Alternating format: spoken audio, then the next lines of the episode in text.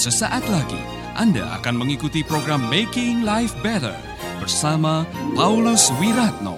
Selama 15 menit ke depan, Anda akan belajar membuat kehidupan lebih baik.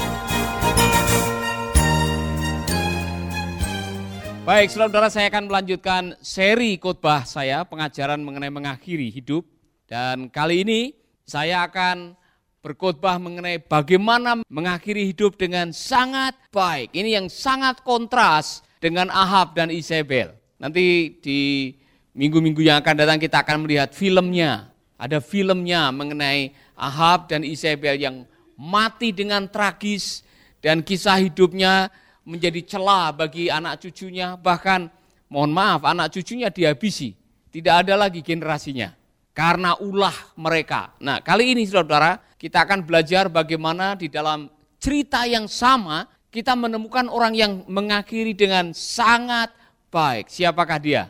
Siapakah di dalam kisah cerita mengenai Raja Ahab dan Isabel dan apa yang dilakukannya? Ternyata ada orang yang diutus Tuhan yang menjadi kontradiktori, lawan yang sangat berbeda kehidupannya dan mengakhiri hidup dengan sangat baik.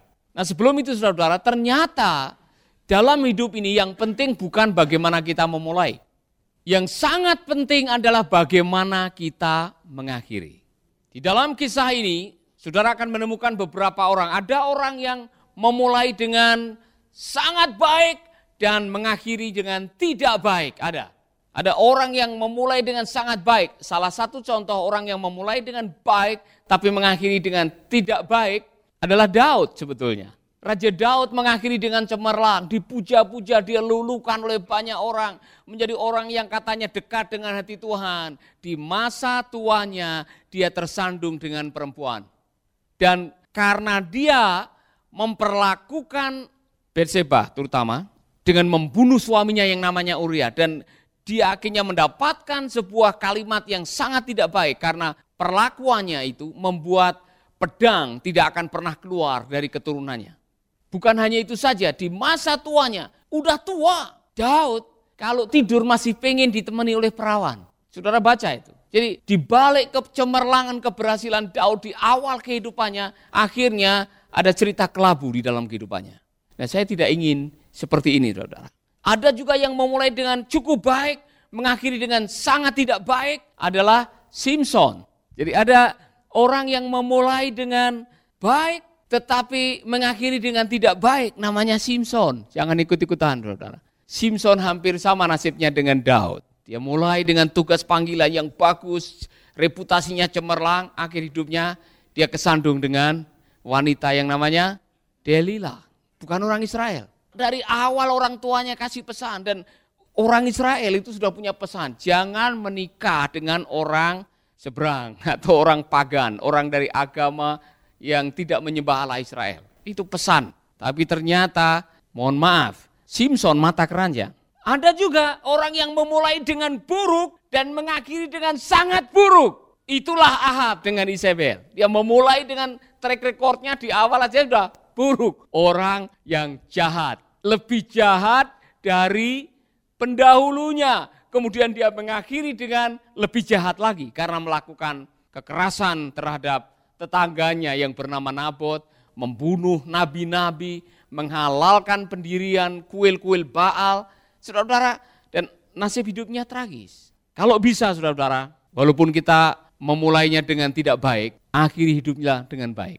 Usahakan mengakhiri dengan baik. Amin. Dan kita bisa bercermin eh, atau kita bisa belajar dari orang yang memulai dengan sangat baik dan mengakhiri dengan sangat-sangat baik. Namanya Elia. Saudara bisa menemukan Elia di akhir hidupnya seperti ini. Sedang mereka berjalan terus sambil berkata-kata, tiba-tiba datanglah kereta berapi dengan kuda berapi memisahkan keduanya. Lalu naiklah Elia ke surga dalam angin badai. Tidak banyak orang yang akhir hidupnya terangkat ke surga. Kecuali Musa, Yesus, dan Elia. Dengan kata lain, akhir hidupnya dimuliakan. Akhir hidupnya penuh dengan kemuliaan.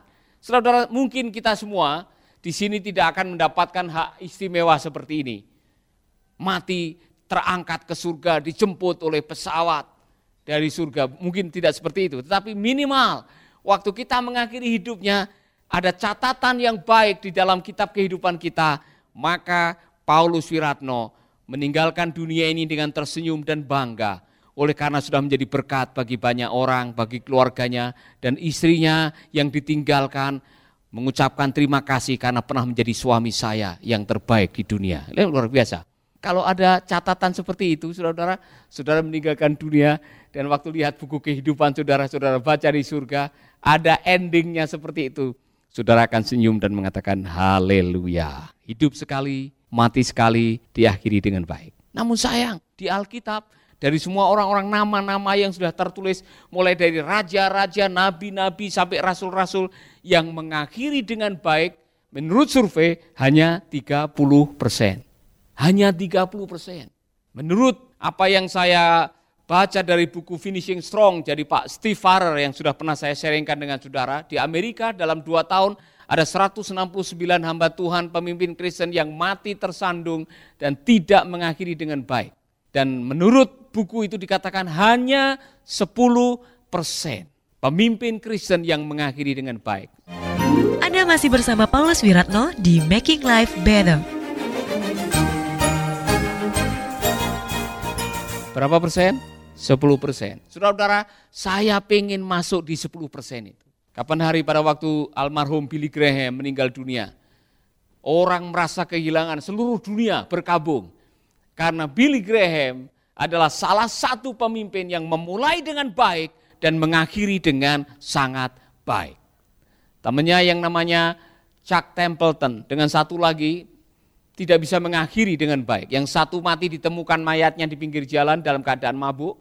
Yang satu masa tuanya tidak percaya kalau Yesus adalah Tuhan. Padahal tiga-tiganya adalah pembicara KKR yang disebut dengan macan mimbar. Orang yang luar biasa. Nah saudara-saudara, semua kisah di atas adalah pelajaran hidup sekali, mati sekali, mari kita mengakhiri dengan baik.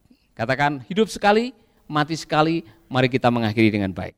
Amin. Lalu apa rahasianya yang membuat Elia bisa mengakhiri dengan sangat baik? Number one, stay close to God.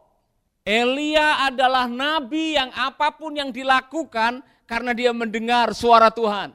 Dia mendengar suara Tuhan. Ada beberapa kali, saudara beberapa kali Elia sebelum melakukan apa-apa dia bertanya kepada Tuhan dan dia mendengar suara Tuhan.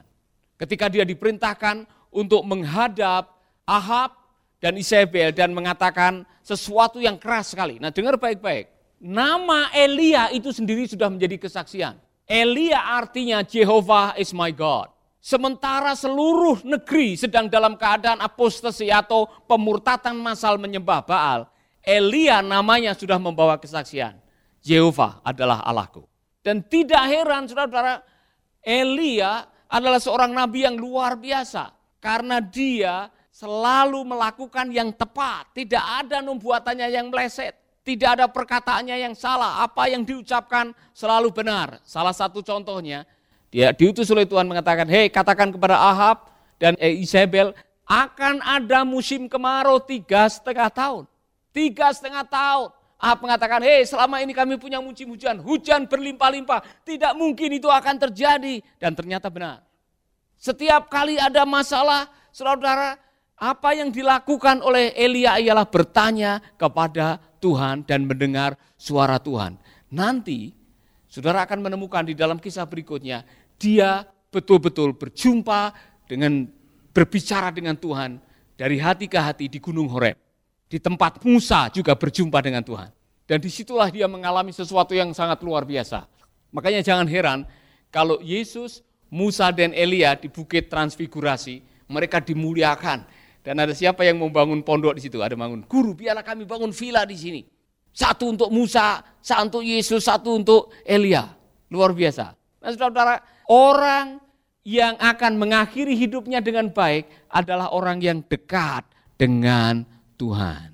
Logikanya begini, kalau Anda menjalani panggilan-panggilan Tuhan, kemudian Anda jauh dari Tuhan, lalu mau ngomong apa? Kekuatan Anda dari mana? Dan tidak kebetulan waktu Yesus naik ke surga, dia membuat sebuah pesan, tunggu di Yerusalem sampai kamu dipenuhi dengan kuasa yang maha tinggi. Kuasa roh itu yang akan menyertai kita. Saudara-saudara, Allah, dengar baik-baik, ini sebuah kebenaran yang luar biasa. Dia naik supaya rohnya turun. Sebab ini pemahaman saya. Waktu Yesus berada di dunia, secara fisik dia hanya bisa menyertai mereka yang ada di sekitar hidupnya di situ. Petrus dan kawan-kawannya dan orang dekatnya. Tetapi pada waktu Yesus naik ke surga, rohnya turun, siapa saja yang terima Yesus bisa disertai oleh Yesus. Dan mengapa dia menyertai kita? Parakletos, dia ingin mendampingi kita, dia ingin menjadi penghibur, dia ingin menjadi pendamping, supaya ke mana pun kita pergi kita dimampukan untuk melayani Tuhan. Jadi orang yang dekat dengan roh kudus, dekat dengan Allah, pasti punya kekuatan apa pun juga tantangannya untuk mengakhiri panggilannya. Amin. Ini contoh. Isabel dengan Ahab, langkah pertama selesai mereka menikah, program pertama adalah program eliminasi nabi, nabi Yehova. Pertama yang dilakukan ialah membunuh ratusan para nabi. Berbahagialah dengan seorang yang namanya Obadya, dia sembunyikan seratus. Ada seratus nabi yang disembunyikan dan dikasih makan oleh uh, Obadya ini. Tapi di antara seratus nabi yang sembunyi ada satu nabi yang tidak takut. Dialah Elia. Elia dia tidak takut saudara, yang lain-lain pada sembunyi di goa, Elia keluar dah bahkan dia berani datang ke istana mengatakan, Tuan Ahab dan Isabel, Anda telah melakukan kejahatan, Anda telah menaruh patung di mana-mana patung Baal dan ini dari Tuhan. Tiga setengah tahun tidak ada hujan. Nanti kalau saya sudah memanggil hujan turun, hujan akan turun. Luar biasa kan saudara-saudara? Jadi kalau mau bicara mengenai nabi penolak hujan, Elia jagonya tiga setengah tahun. Masih ada reputasi yang lain. Pada waktu dia dikejar-kejar oleh uh, Isabel, Isabel marah sekali. Dan juga Ahab sangat marah oleh karena pemusim kemarau tiga setengah tahun. Tiga setengah tahun, kita setengah tahun aja bisa kelabakan, ya kan? Musim paceklik, tidak ada yang bisa menanam jagung, tidak ada air, semua susah. Ini tiga setengah tahun, betul-betul sengsara. Rakyat Israel sengsara. Dan oleh karena itu dia dikejar-kejar. Ada satu waktu dia harus diselamatkan oleh Tuhan. Dan sekali lagi Tuhan mengatakan kepada Elia, pergi ke sebelah timur, kau camping di pinggir sungai Kerit. Saya kasih makan kamu di sana. Luar biasa kan? Dia pergi ke timur dan di sana dikasih makan. Dan luar biasa saudara-saudara dia kasih makan roti dengan daging. Yang lain-lain pada kelaparan ini, semua rakyat pada kelaparan, dia masih bisa makan, dia masih bisa minum sampai air itu kering, baru dia bilang, oh pergi sekarang ke rumah seorang wanita, seorang janda di Sarfat. Tuhan selalu memberikan petunjuk. Mengapa? Karena dia dekat dengan Tuhan. Anda hanya bisa mendengar suara Tuhan kalau punya hubungan yang baik dengan Tuhan. Amin. Jangan seperti nabi-nabi palsu yang menerima bayaran. Salah selalu ucapannya. Ada 40 lebih nabi yang dibayar oleh Ahab yang selalu ingin mengucapkan yang baik supaya duitnya datang. Hati-hati, saudara-saudara, jangan saudara mengucapkan sesuatu yang bukan dari Tuhan atas nama pelayanan hanya untuk mendatangkan uang. Ada yang mengatakan, haleluya puji Tuhan, Tuhan Afab, anda harus segera membawa tentara, serang itu Ramut Gilead, Anda akan menang. Semua nabi bilang begitu. Ada satu Mika yang mengatakan, mm -mm, tidak, Tuhan bilang kamu akan mati. Jadi ada nabi-nabi yang kadang-kadang mengatasnamakan suara Tuhan, hanya untuk mencari keuntungan. Waspadalah. Jelas-jelas dia belum tentu jadi presiden sudah mengatakan Anda jadi presiden kemudian syukuran. Salah. Bagaimana ada orang yang berani seperti itu? Karena mungkin bukan dekat dengan Tuhan. Dia dekat dengan ATM. Saudara-saudara, saya dengan saudara punya tanggung jawab. Kalau kita melayani Allah, kita harus dekat dengan Allah yang kita layani. Nah pencobaan kita semua ialah kita terlalu sibuk dengan pelayanan, kita tidak punya waktu dengan yang punya pelayanan. Stay close to God.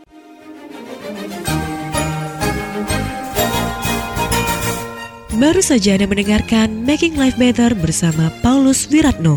Jika Anda diberkati, kirimkan kesaksian Anda ke Radio Dian Mandiri Jalan Intan LC2 Gang 4 Nomor 1 Denpasar, Bali. Kunjungi website kami di www.pauluswiratno.org, Facebook Paulus Wiratno. Hubungi kami di 081 338 66 5500 Sekali lagi 081 338 665500. Terima kasih, Tuhan memberkati.